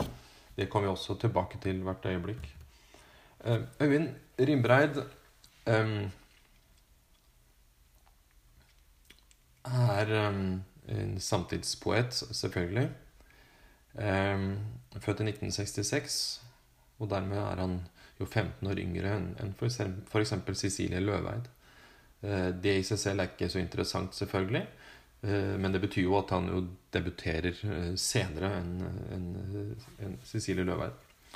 Eh, han er en av våre 90-tallister. Dvs. Si han debuterte i, eh, på 90-tallet, i 1993. Og da sier vi eh, det er interessant nok at han jo debuterer som novellist. Det har begynt som en novellesamling, som novellesamlingen heter, hans debut. Og så har han fulgt han opp med en roman, som 'Solen vokser'. Og deretter, på slutten av 90-tallet, en annen novellesamling kommende år. Og så, dere, til glede for oss alle sammen, så, så ble Rimbreid eh, lyriker. Og har, har, kommet med knallsterke, gode eh, diktbøker fra 2000 og seine topografier og fram til eh, 2019 og denne diktboka, som jeg nå ikke har foran meg fordi den ligger eh, på et stengt kontor. Um, men som jo heter Nå kunne jeg jo selvfølgelig ha googla det, men det kan dere få lov å gjøre selv. Men som, som er en, eh, en harediktsamling. Den kom i fjor og er kjempegod. Og imellom der så, så, så har man, finner vi eh, ja, seks dikt, diktbøker som alle har fått veldig gode kritikker. Og, og, og som har gjort at Øyvind Rimbreid både får priser, gode, høytstående priser, og eh, blir eh, regnet som en av våre absolutt fremste samtidspoeter. Han også, i likhet med Løveid, har vært festivalpoet på Nordens største lyrikkfestival, nordisk poesifestival. Rolf Jacobsen-dagene.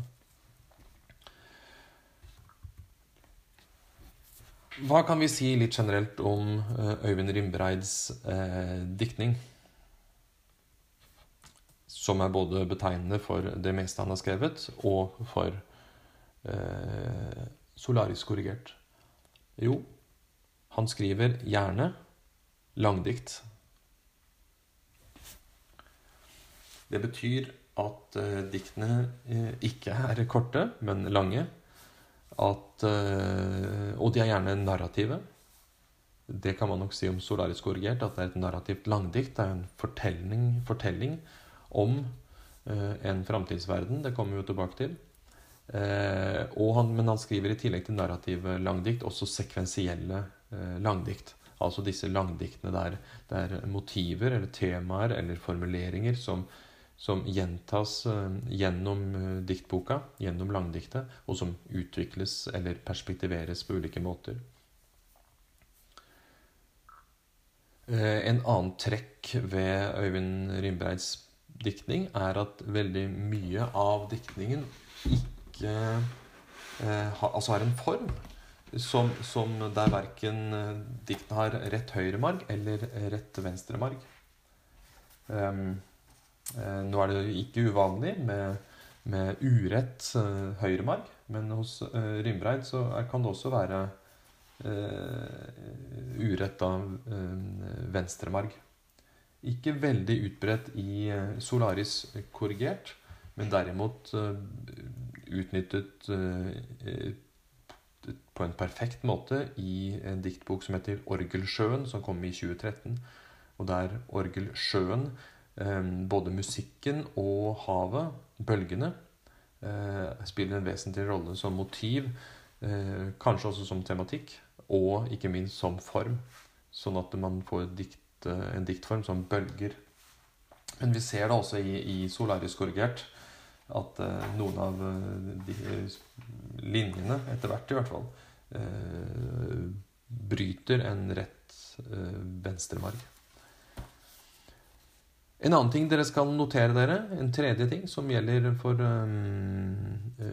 Rimbreid sin diktning, er at det er en stor språkvariasjon i lyrikken hans. Dvs. Si han skriver på, på, flere språkformer.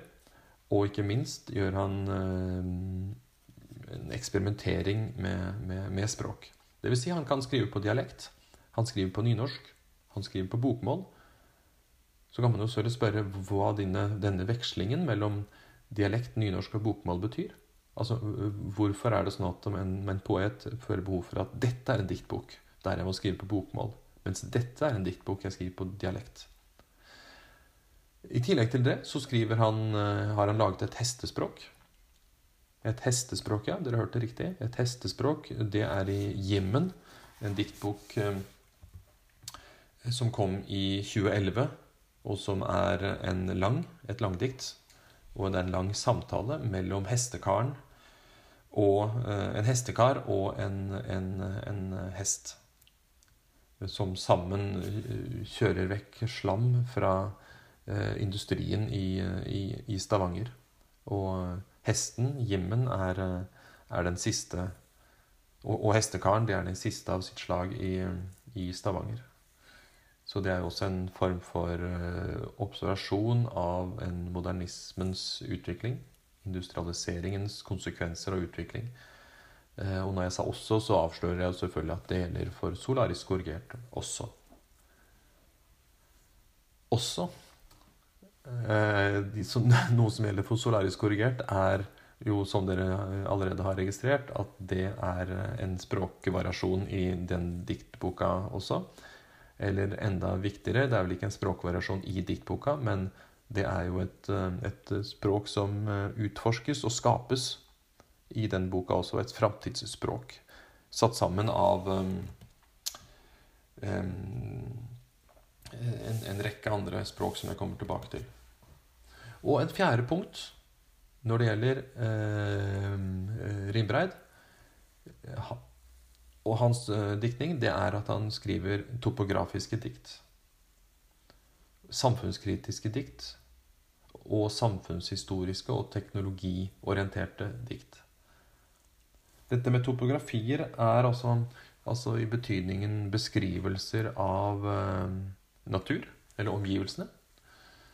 Uh, disse går sammen med en beskrivelse av både hvordan samfunnet utvikler seg historisk og teknologisk og eh, en, en samfunns... Skal vi si Ikke nødvendigvis kritikk, holdningskritikk av samfunnsutviklingen, men likevel en perspektivering av eh, et kritisk blikk på denne samfunnsutviklingen.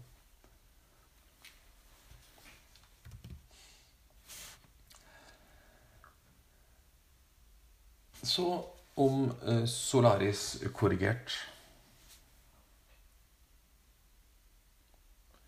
Eh, skrevet på et språk som jeg altså har nevnt, er konstruert. Et framtidsspråk som blander bokmålsord, nynorskord, dialektord, engelsk, tysk, norrønt eh, Et uh, muntlig språk og et teknologisk språk. Altså teknologiske termer. Ingeniørtermer. Det er et uh, science fiction-dikt som for så vidt ikke er uh, veldig vanlig. Så science fiction har en tendens til, uh, til jo å være primært en, en, sjanger eller en modus som, som, knytter seg til film og romaner og noveller. Men som også da dukker opp i science fiction. Um, og, og, og, i denne sammenhengen kan man jo f.eks. rette oppmerksomheten mot Harry Martinsons Anniara, som er et science fiction-dikt fra 1956 Eh, og som, som eh, for de av dere som måtte være interessert i science fiction-dikt, eh, er, står som en slags viktig referanseramme.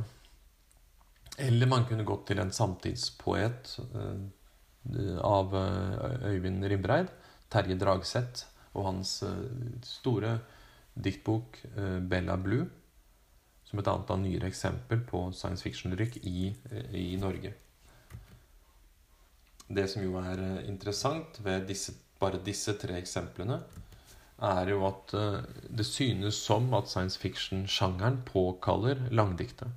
At skal man få et dikt til å bli science fiction, så krever det et litt langt forløp.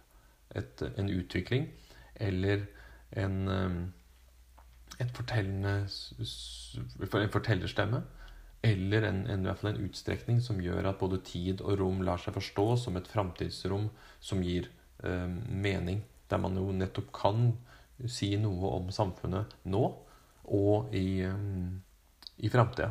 Det er jo nettopp det som er um, et viktig aspekt ved, ved um, science fiction i seg selv. At den jo er en Ved å rette oppmerksomheten mot en mulig mer eller mindre sannsynlig framtid, så er den jo eh, samtidig en analyse eller en kommentar på eh, vår samtid. Um, som et, og, og, når jeg sier det, så kan man si at uh, Solaris korrigert som et science fiction-dikt jo tematiserer olje, teknologi uh, og relasjonen mellom uh, menneske og maskin. Um, og ved å legge handlingen til en framtid, så, så, så sier man samtidig noe om olje samfunnet, oljeutvinning eh, og teknologiutvinning, eh, kunstig intelligens og relasjonen menneske og maskin i eh, vår samtid også. Og så er det interessant nok, synes jeg, at, eller verdt å i hvert fall um, tenke på um, at solariskorrigert også kan leses innenfor en økokritisk uh, tematikk. Altså en, en tematisering av, eh, av en eh, industriell eh, utvikling der konsekvensen ikke bare synes å være dramatisk for mennesker, men også for verden og naturen eller jorden som en en, en, en, en, Eh, et, et, økosystem. Som et naturlig eh, økosystem. Ok, Så det er jo noen av perspektivene eh, som det er verdt å tenke på når man leser Solaris korrigert.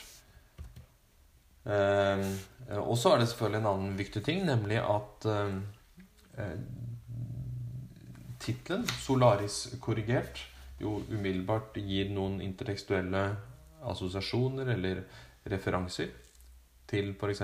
Stanislav Lems roman uh, 'Solaris' fra 1961, som ligger her som et, som et, uh, som et tekstlig eh, underlag. Og Andrej Tarkovskijs film 'Solaris' fra 1972. og så er jo den lille nyanserte forskjellen at Rimbreids diktbok heter 'Solaris korrigert'. Så det finnes en korrigering i denne diktboka. Og så gjelder det selvfølgelig å spørre seg selv hva består den korrigeringen i. Ehm, jeg kunne godt tenkt meg bare å nevne for dere også at eh, denne diktboka, fordi den har et språk som er så performativt og annerledes, um, veldig syngende, veldig muntlig, veldig melodiøst Det hørte dere jo i innledningen til denne eh, podkasten når Øyvind Rimbreid eh, leste for oss. Um, fordi den har disse, dette lydlige ved seg, og samtidig det veldig visuelle. Vi kan se denne verden for oss. Så gjør den seg veldig godt også til um, adaptasjoner i andre kunstformer. Um, Øyvind Rimreid har et band som har spilt uh, denne Spilt, eller lest, spilt-lest, uh, Solaris korrigert, på scener. Og Det Norske Teater har også satt opp eh, en teateroppsetning da, med, basert på Rimreids 'Solaris korrigert'. Eh, da også med Ane Dahl Torp i hovedrollen.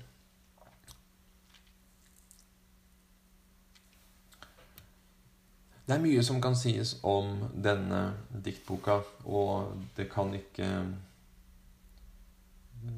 Alt kan ikke bli sagt. Men Eh, det gjelder å lese denne diktboka høyt for seg selv. Eh, det er, det er den måten man klarer å, å, fange betydningen av en del ord.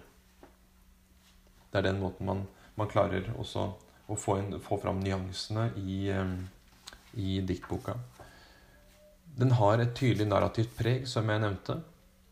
Det er en fortelling om et jeg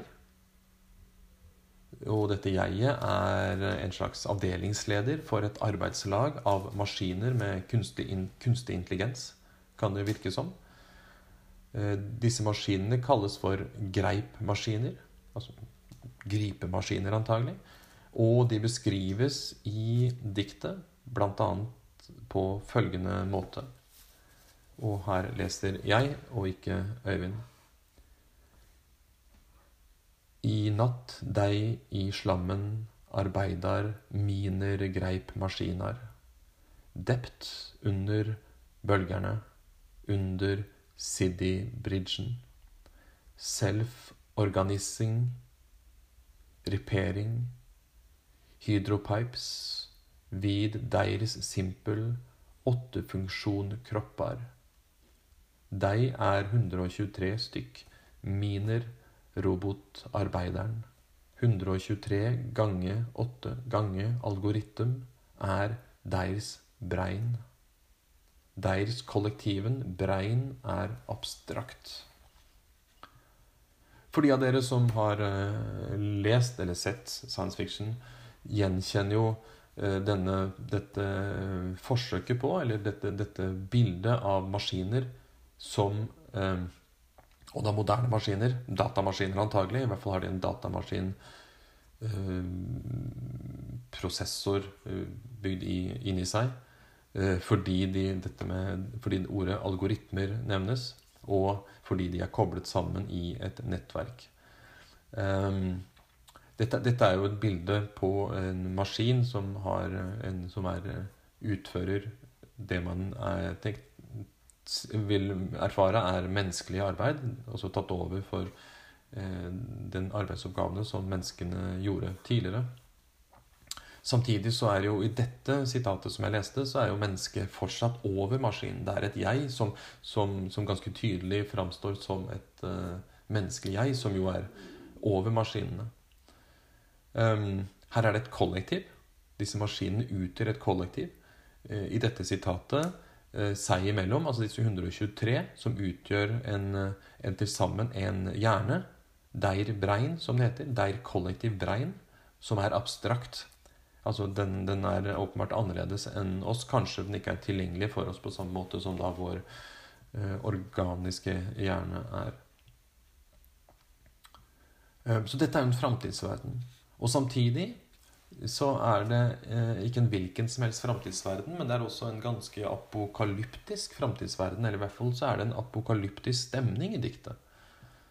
Ordet Apokalypse det er ikke tilfeldig valgt. Det er ikke jeg som føler denne stemningen, for det ordet dukker opp allerede på første side, der det eh, i diktet heter Ål diner apokalypsen skreik mare. Altså apokalyptiske mareritt. Og undergangen da eh, blir jo for diktjeget, dette apokalyp apokalypsen som jo gjerne ender i, i, i en undergang, den blir jo realisert for diktjeget og kanskje menneskeheten i den siste delen av eh, langdiktet.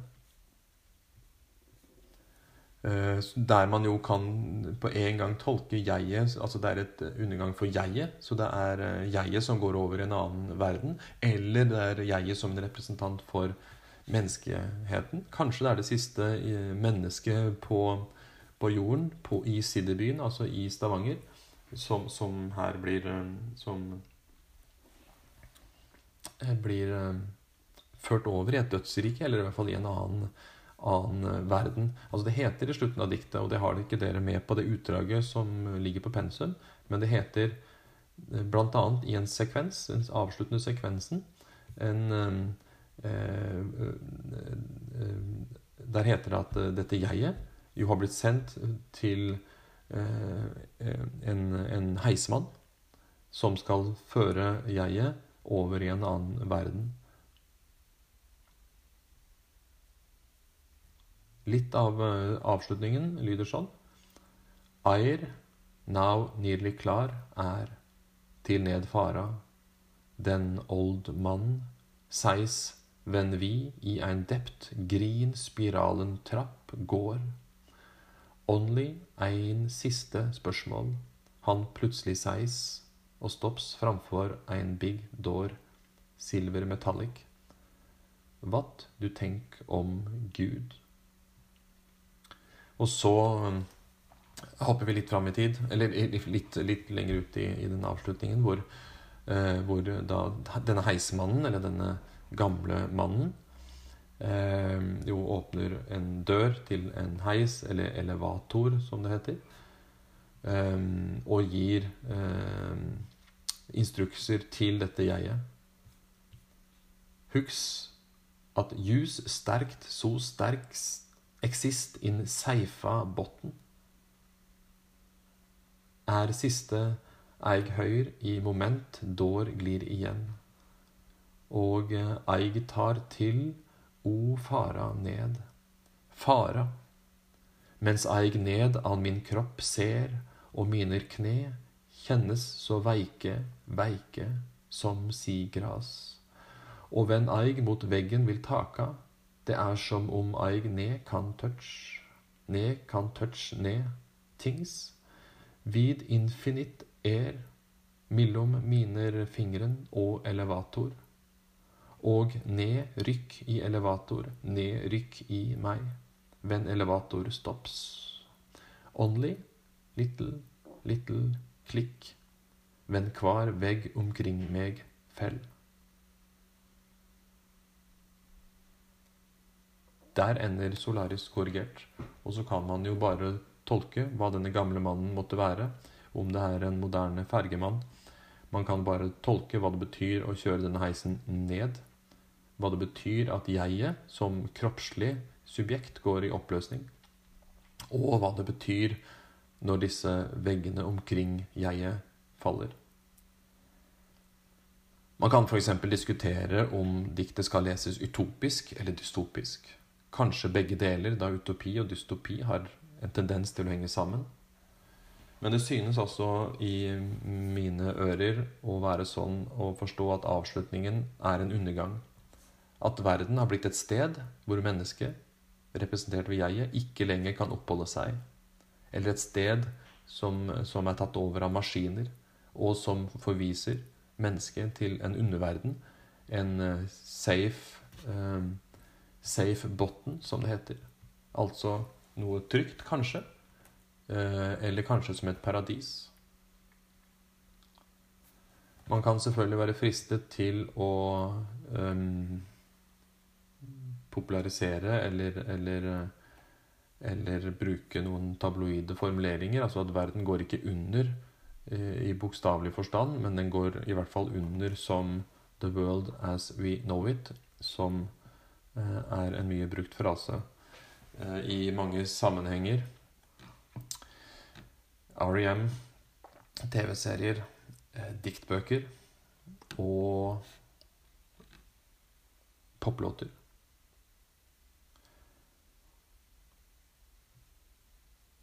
I denne utviklingen mot denne verden så er heller ikke språket skånet. Og det er her vi må legge litt av trykket når vi undersøker og analyserer solarisk korrigert. Eh, altså Det særegne ligger ikke i science fiction, i hendelsen i seg selv, i samfunnskritikken, men hvordan også språket brukes poetisk og samfunnskritisk. For språket er også i forandring nærmest til det ugjenkjennelige. Det er et hybridspråk, som jeg nevnte, som muligens kan sies å representere den globale verden, en slags handelsverden uten nasjonale og språklige grenser. Og kanskje er det det siste språket, fordi maskinene bruker kanskje et annet språk. Maskinene taler dette språket når de snakker til jeget, men når de snakker seg imellom, så kan man godt tenke seg at man snakker et annet språk. Så språket er et framtidsspråk, men kanskje også like mye som subjektet eh, muligens går under, eller går i oppløsning, i eh, avslutningen på langdiktet, så kan man også tenke seg at språket stopper her. For det er et faktum at at solarisk Solaris korrigert ender i dette fallet. At veggen omkring meg faller, og der stopper også diktet. Naturlig nok må det stoppe. Men da kan man spørre hva skjer med språket etterpå. Eh, nå la jeg veldig mye vekt på uh, avslutningen og på dette som en science fiction-dikt. Det er én ting til som vi må kort kommentere, og det er innledningen. Som er genial, og det er jo en innledning, en slags prolog eller et preludium, som, som eh, setter oss inn i, en, inn i en kontekst, inn i en tid og i et rom, før selve diktet Eh, science fiction-diktet begynner. Um, Og det sier jeg fordi selve fortellingen, selve fortellingen om denne verden, den begynner eh, på, på ca. side to i utdraget deres. Eller side ti i, i diktboka. Og da med linja i natt, deg i slammen, arbeidar, miner greip maskiner. Det er innledningen på fortellingen. Men selve diktet innleder altså med en prolog. Og den prologen er interessant fordi den har en krysning, en kjasme, eh, der den ene ser på den andre verden, inn i en annen tid og inn i et annet rom, og stiller et spørsmål, for så å vri på det og eh, la den andre verden se inn i vår tid og i vår verden.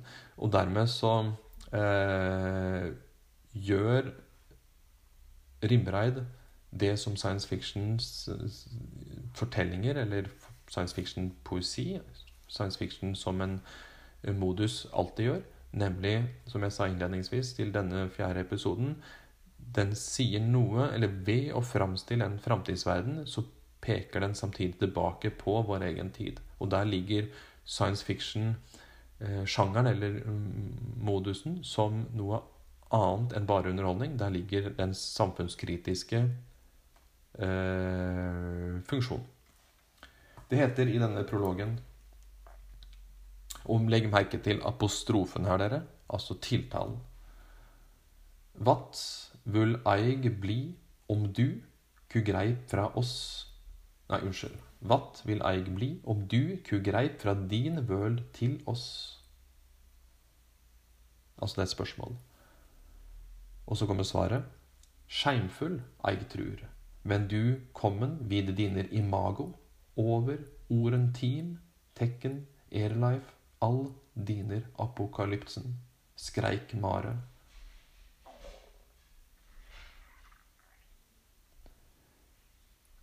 Altså Spørsmålet er hva vil jeg bli om du greip fra din verden til oss? Er det et framtids-jeg som stiller dette spørsmålet, som stiller det til oss i vår samtid? Det kan det i hvert fall være. Og i så fall er spørsmålet eh, Så er svaret at jeget tror han eller hun ville bli skamfull. Men så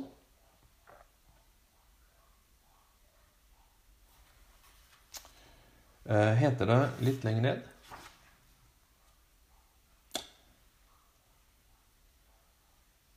Så ku eig beg din world beginning, start us opp igjen.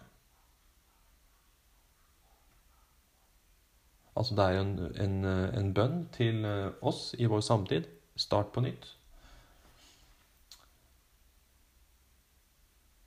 Skeimfull jeg er over hvordan utviklingen er blitt. ikke sant? Og så Så what vil du bli om vi ku greip fra oss til deg? Og det svarer ikke jeg på, for det må vi nesten svare på selv. Hvis dette er framtidsverden, og framtidsverden ser inn i vår verden, altså samtiden, og ser hva vi gjør og ikke gjør, så er det ikke bare et spørsmål om, eller en bønn om å starte dem opp igjen på nytt, men også et spørsmål om ja,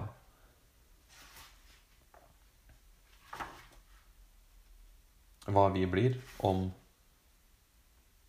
eh, framtiden kunne gripe inn i vår tid.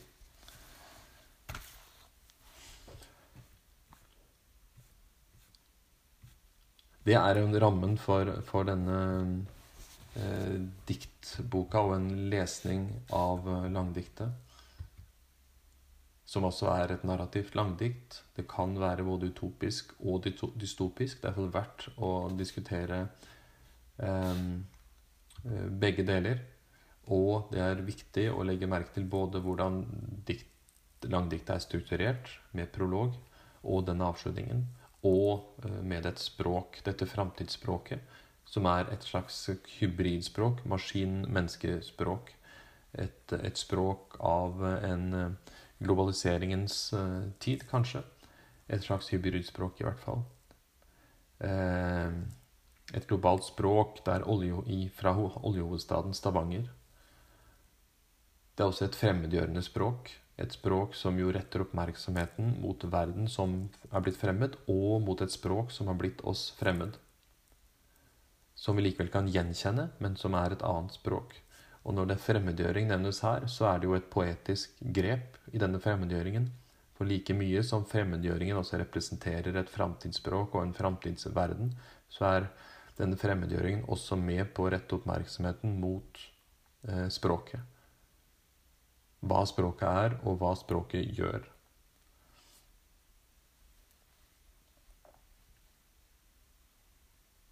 Det er et diktspråk som er preget av åpne, myke vokaler og harde konsonanter og konsonantopphopninger som eh, dette språket har blitt eh, beskrevet som av eh, både uh, Per Thomas Andersen, som har skrevet en bok om uh, Øyvind Rimreids lyrikk, som det er verdt å, å, å, kikke på hvis man er opptatt og interessert i Øyvind Rimreid. Og den samme beskrivelsen finner dere også hos uh, Seiersted og Vassenden i den oransje boka. Dette språket med bruken av konsonanter og vokaler. Da, dere, var det en slags oppsummering på den fjerde episoden av nordisk samtids... Eh, eller norsk, unnskyld. Norsk samtidslyrikk fra 1970 fram til 2004. Der vi har beveget oss fra et slags formmessig og språklig oppbrudd i den tidlig feministiske eldrelunden til en formmessig og språklig oppbrudd eller eksplorasjon, utforsking, hos uh, Øyvind Rimreid. Takk for meg.